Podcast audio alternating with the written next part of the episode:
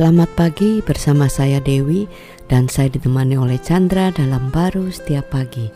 Kejadian 4 ayat 1a. Kemudian manusia itu bersetubuh dan mengandunglah perempuan itu, lalu melahirkan Kain. Wah ini bahasa uh, Inggrisnya itu bersetubuh itu di situ dikatakan uh, new atau uh, mengenal ya.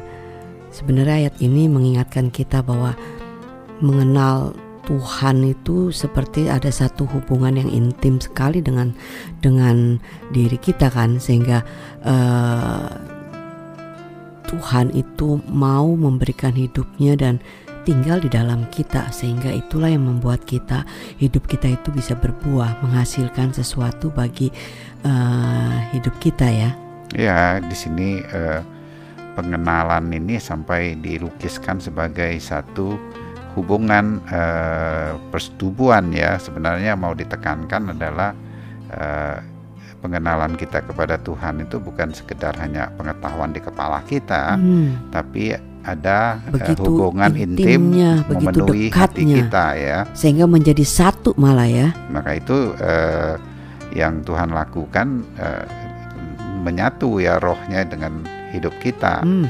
Nah, itu yang membuatkan Eh, kita bisa menikmati akan kehadiran dia dan itu uh, yang bisa membuatkan uh, uh, hasil daripada uh, kesatuan kita dengan dia ya. Iya hasilnya itu ya yang dinamakan karena bersatu dengan roh ya buah roh ya hmm. yang yes. mengalir di dalam kehidupan kita. Nah, itu yang perlu terus uh, tentunya diteguhkan ya seperti contoh uh, pokok dengan carangnya yang caranya tinggal nah, dia akan menghasilkan buahnya hmm. uh, sama kita tentunya nggak bisa dari kekuatan kita untuk menyatukan tapi Tuhan melalui Kristus Yesus dia sudah uh, menyatu di dalam hidup kita hmm. cuma kadang-kadang kita nggak sadar kita pikir hmm. Tuhan tuh jauh banget gitu ya. Betul. ya apalagi kalau ditekan dengan permasalahan gitu hmm. padahal saat-saat itulah perlunya menyadari dia tidak pernah tinggalkan kita, dia tidak pernah biarkan kita, bahkan melalui Kristus Yesus dia mau mati buat kita untuk kita bisa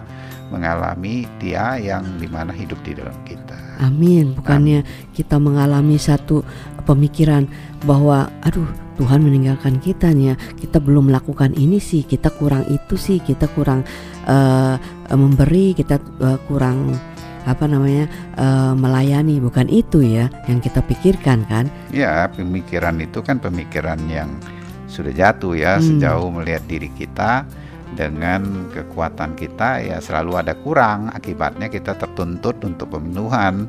Tapi kalau kita melihat kepada Kristus yang apa yang kita nggak bisa lakukan dia sudah lakukan. Sehingga kita diberikan rohnya hidupnya hmm, dia. betul. sehingga kita yang berjalan di dalam kepenuhan dia uh, dalam perjalanan hidup kita melalui percaya kita kepada dia. Hmm, amin. Amin.